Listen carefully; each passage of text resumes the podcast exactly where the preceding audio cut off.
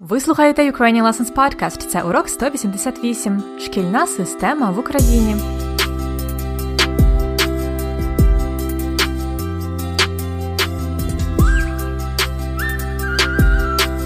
Привіт-привіт! Це Анна і ще один епізод подкасту Уроки української.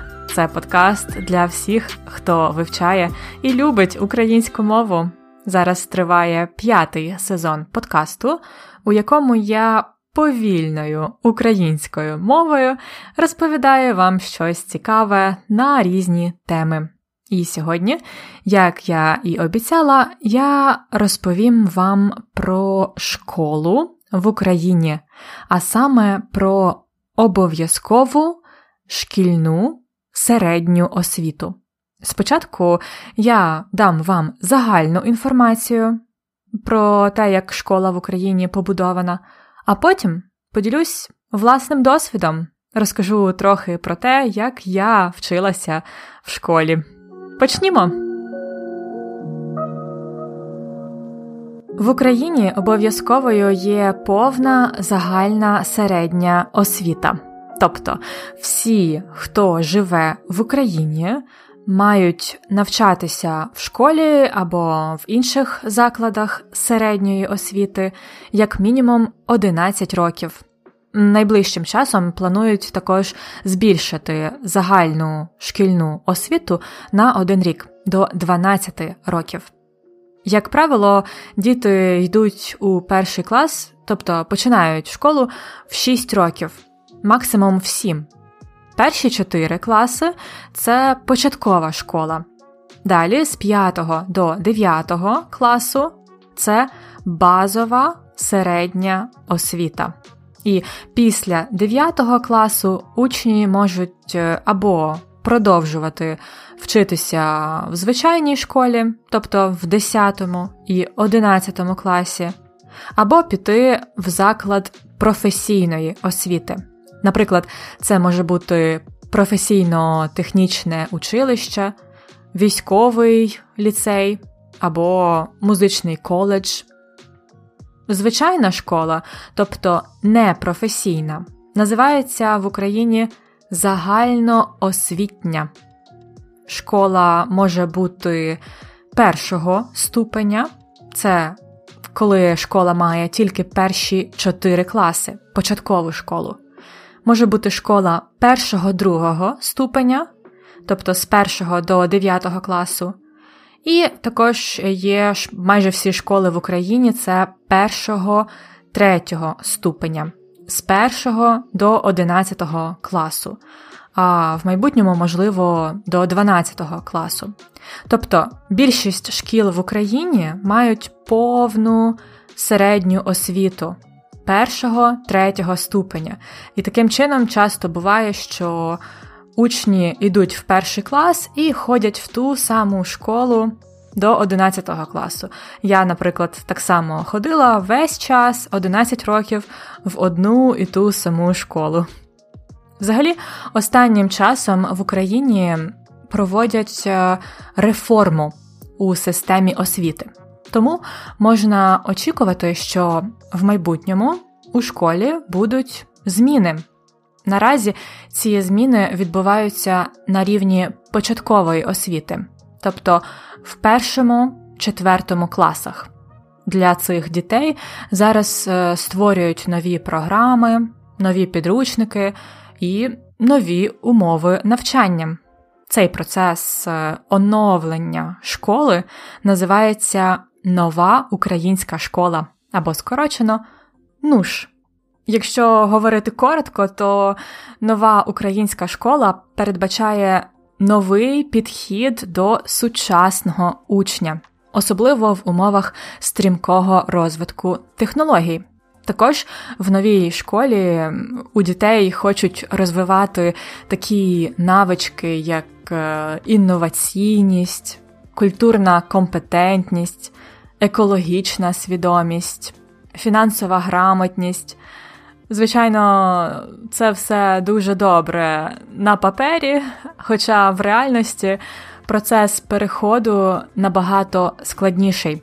Потрібно проробити велику роботу, щоб модернізувати українські школи, а також навчити нових методик і програм учителів, особливо тому, що більшість вчителів України віком від 40-45 років. Тобто вони вчилися ще в Радянському Союзі, і для них ці зміни досить великі. Але сподіваємось, що з часом ці реформи дадуть свій результат. А зараз я б хотіла трішки відійти від теми сучасної системи освіти і розказати вам про свій досвід навчання в школі. Він, мабуть, був інший, ніж такий, як зараз в Україні, але все одно, думаю, багато є і схожих моментів. Отже, я пішла в перший клас у 1997 році. Мені саме тоді виповнилось 6 рочків.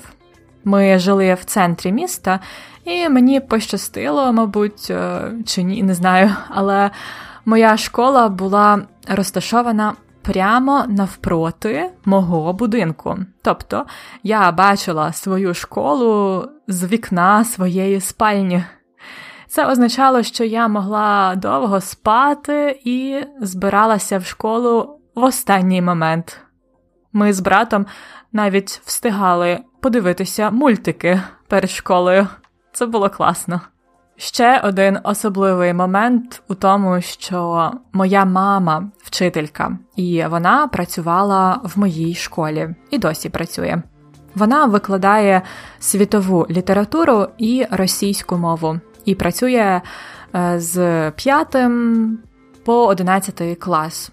Тому ми з мамою дуже часто перетиналися, тобто бачилися в коридорах школи, і також вона в мене викладала уроки, власне, світову літературу і російську мову.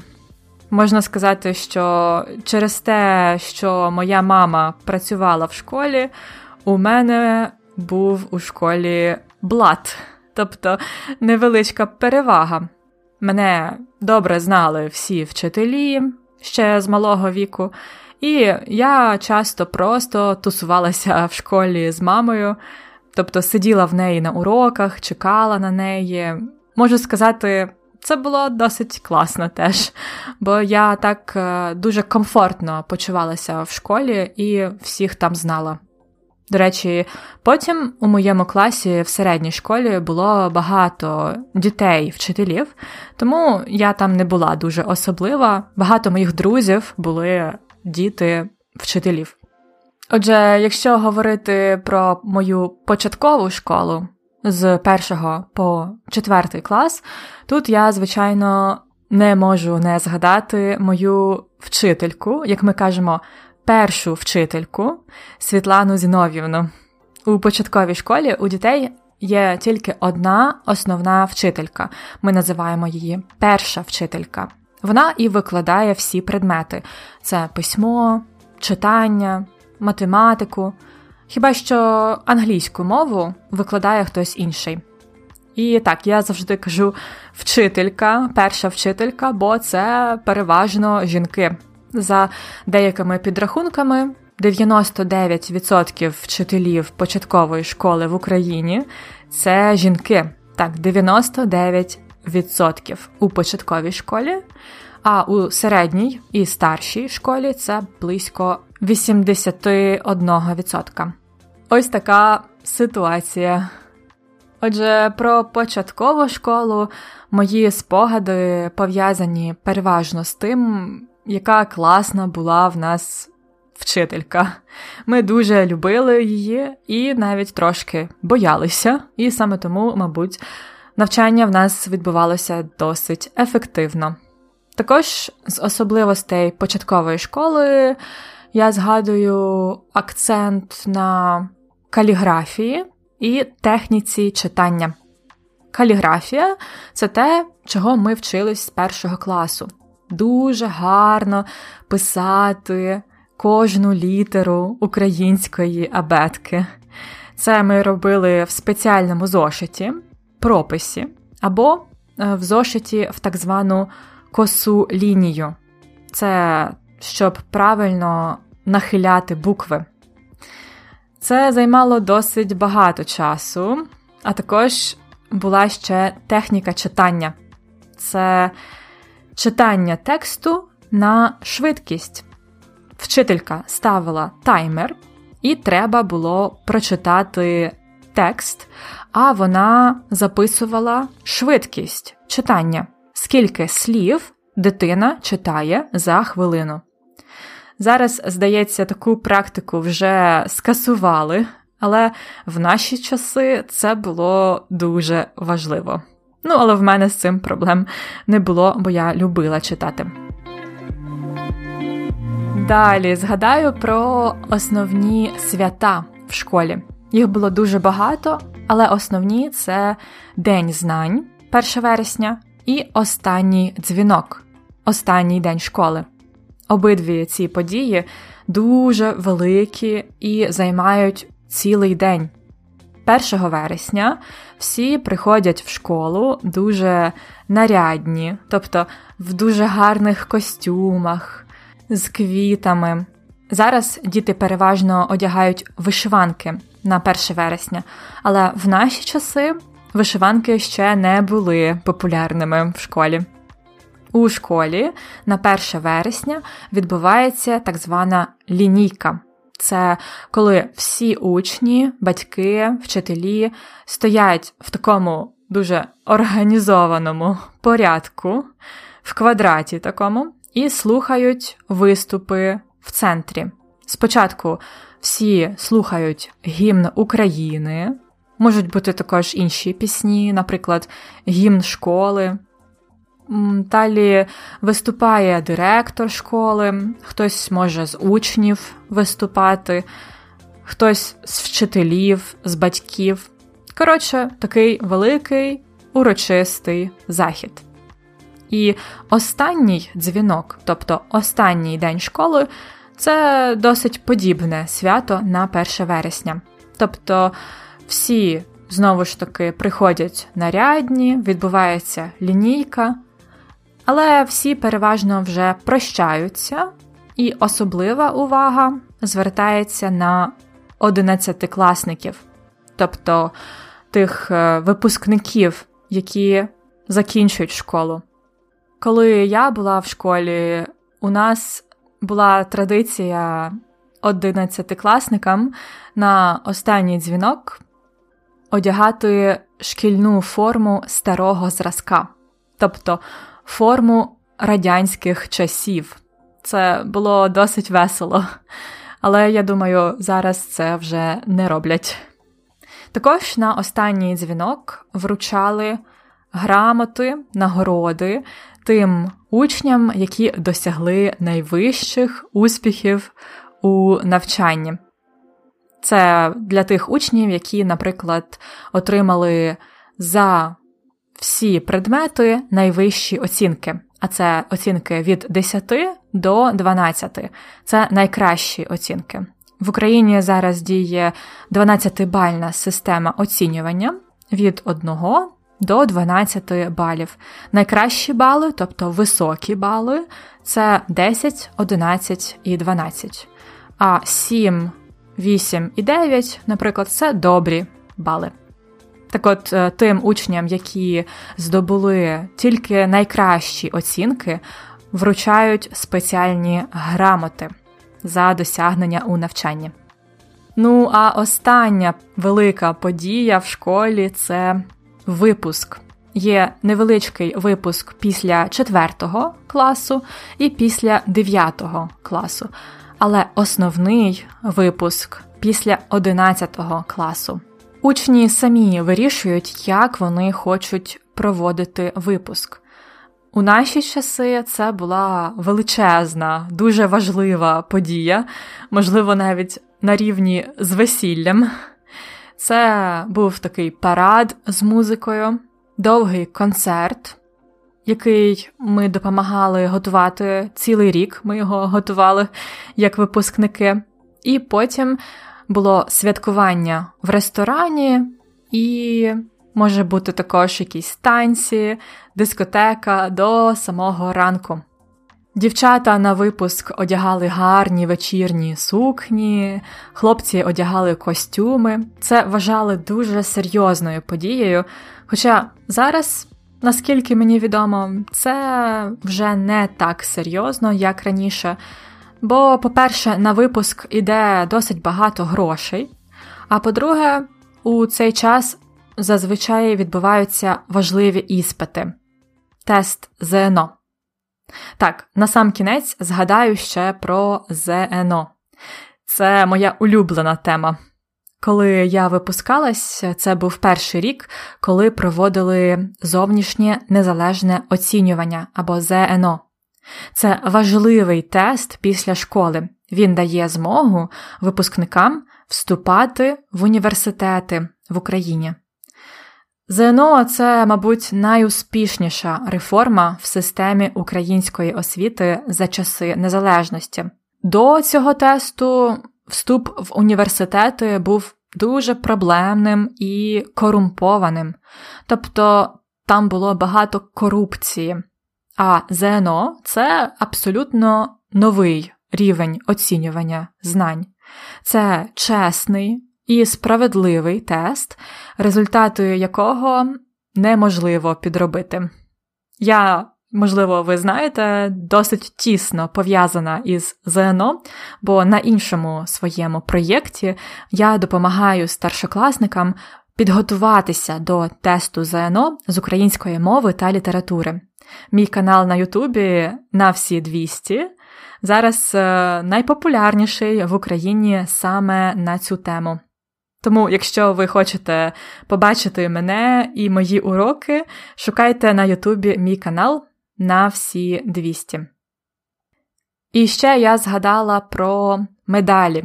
Наприкінці школи в 11 класі, а саме на випуску, вручають також медалі для тих учнів, які досягли найвищих успіхів у навчанні. Це так звана срібна медаль і найвища золота медаль. Золоту медаль дають учням, які отримували тільки високі бали за останні кілька років. Це, мабуть, така цікавинка пострадянських країн. І у мене теж є така золота медаль після школи. На цьому буду закінчувати на сьогодні.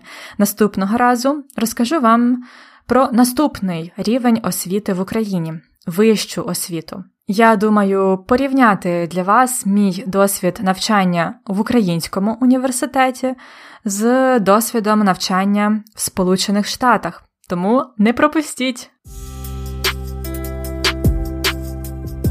10 корисних речень. У цій рубриці я вибираю для вас 10 речень з моєї розповіді і розглядаю їх детальніше. Крім того, ви можете так попрактикувати свою вимову. Готові? Речення номер 1 В Україні обов'язковою є повна загальна середня освіта. Повна загальна середня освіта. Це повна назва обов'язкової освіти в Україні. Повна, загальна, середня освіта є обов'язковою в Україні. Тому всі українці повинні здобути ось цю повну загальну середню освіту, тобто вчитися 11-12 років. Це обов'язково для всіх. Повторіть. В Україні обов'язковою є повна загальна середня освіта.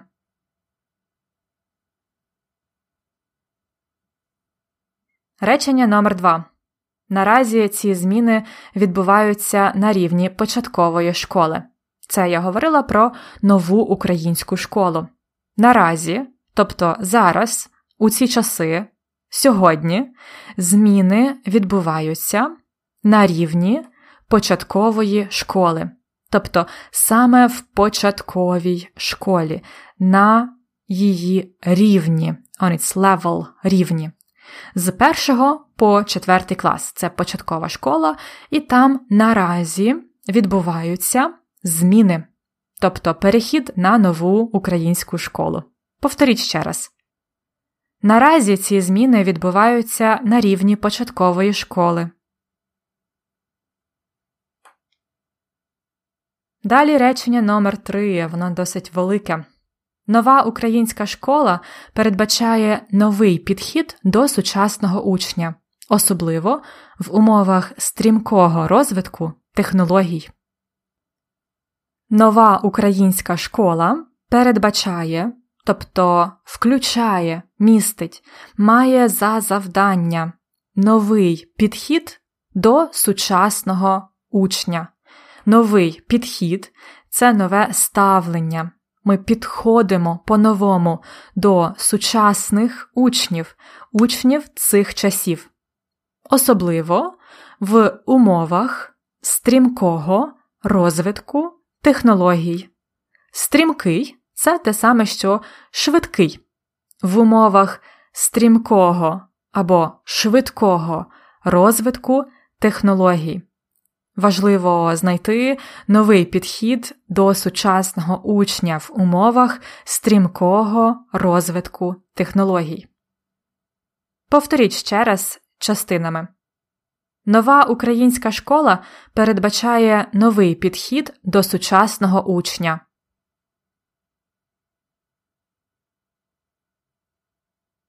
Особливо в умовах стрімкого розвитку технологій. Наступне речення 4. Це все дуже добре на папері, хоча в реальності процес переходу набагато складніший. Це все дуже добре на папері. Це трохи іронічно сказано, коли в документі, на сайті, в законі все добре написано, звучить добре. Але реальність інша. В реальності процес переходу, тобто на нову українську школу набагато складніший, тобто непростий. Повторіть, це все дуже добре на папері. Хоча в реальності процес переходу набагато складніший. Наступне п'яте речення. Сподіваємось, що з часом ці реформи дадуть свій результат. Сподіваємось, що з часом, тобто через деякий час, скоро, ці реформи дадуть свій результат. Дати свій результат це стати ефективним, показати позитивний результат. Повторюйте. Сподіваємось, що з часом ці реформи дадуть свій результат. Наступне шосте речення. Я пішла в перший клас у 1997 році. Саме так ми говоримо про початок школи, піти в перший клас, тобто почати вчитися в школі. Це важлива подія. В Україні учні йдуть в перший клас переважно в 6 років. Я пішла в перший клас у 1997 році. А коли ви пішли в перший клас? Повторюйте. Я пішла або пішов в перший клас у році. Далі я сказала, мені тоді саме виповнилось 6 рочків. Мені тоді саме, тобто недавно, не так давно, саме виповнилось 6 рочків. Тобто я саме недавно відсвяткувала свій шостий день народження. Я сказала шість рочків. Це така пом'якшена форма від років. Так ми говоримо переважно про дуже малий вік, про дітей. Наприклад, їй всього два рочки. У шість рочків вона пішла в школу. Повторіть ще раз. Мені тоді саме виповнилось шість рочків. Речення номер 8 Через те, що моя мама працювала в школі, у мене був блат. Отже, моя мама працювала в школі, і через це, або завдяки цьому, у мене був у школі блат. Блад це таке розмовне слово, яке означає певні привілеї, переважно завдяки сімейним зв'язкам. Наприклад, можна по блату отримати роботу. Це якщо, наприклад, ваш начальник це ваш батько чи ваша тітка, ви отримуєте тоді роботу по блату, по знайомству. Блат досить важливе поняття в українській культурі. У мене в житті був принаймні один блат. Моя мама працювала в моїй школі. Повторіть. Через те, що моя мама працювала в школі, у мене був блат. Наступне речення 9. ЗНО це, мабуть, найуспішніша реформа в системі української освіти за часи незалежності. ЗНО це, мабуть, тут probably, мабуть, найуспішніша реформа, успішний, успішніший, найуспішніший. The most successful, найуспішніша реформа в системі української освіти. За часи незалежності. Ми часто говоримо це словосполучення, коли кажемо про роки, починаючи з початку 90-х, коли Україна є незалежною після Радянського Союзу. Повторіть, ЗНО це, мабуть, найуспішніша реформа в системі української освіти за часи незалежності.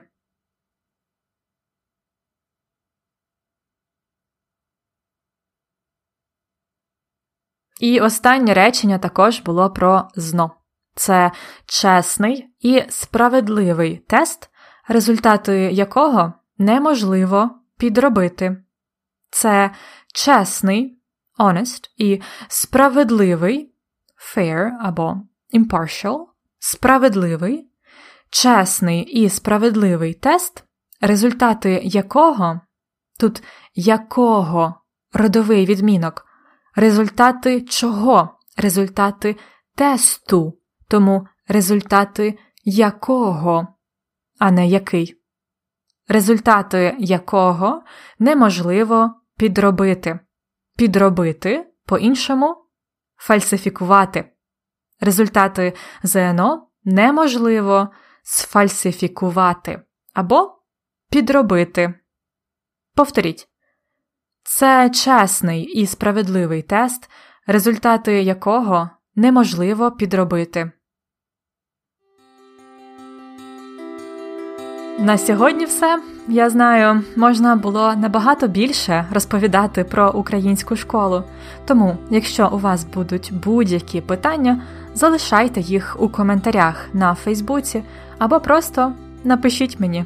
Також, якщо ви оформили нашу преміум підписку, не забудьте прочитати повний текст епізоду з перекладом складних слів, реченнями і зробити вправи в конспекті уроку.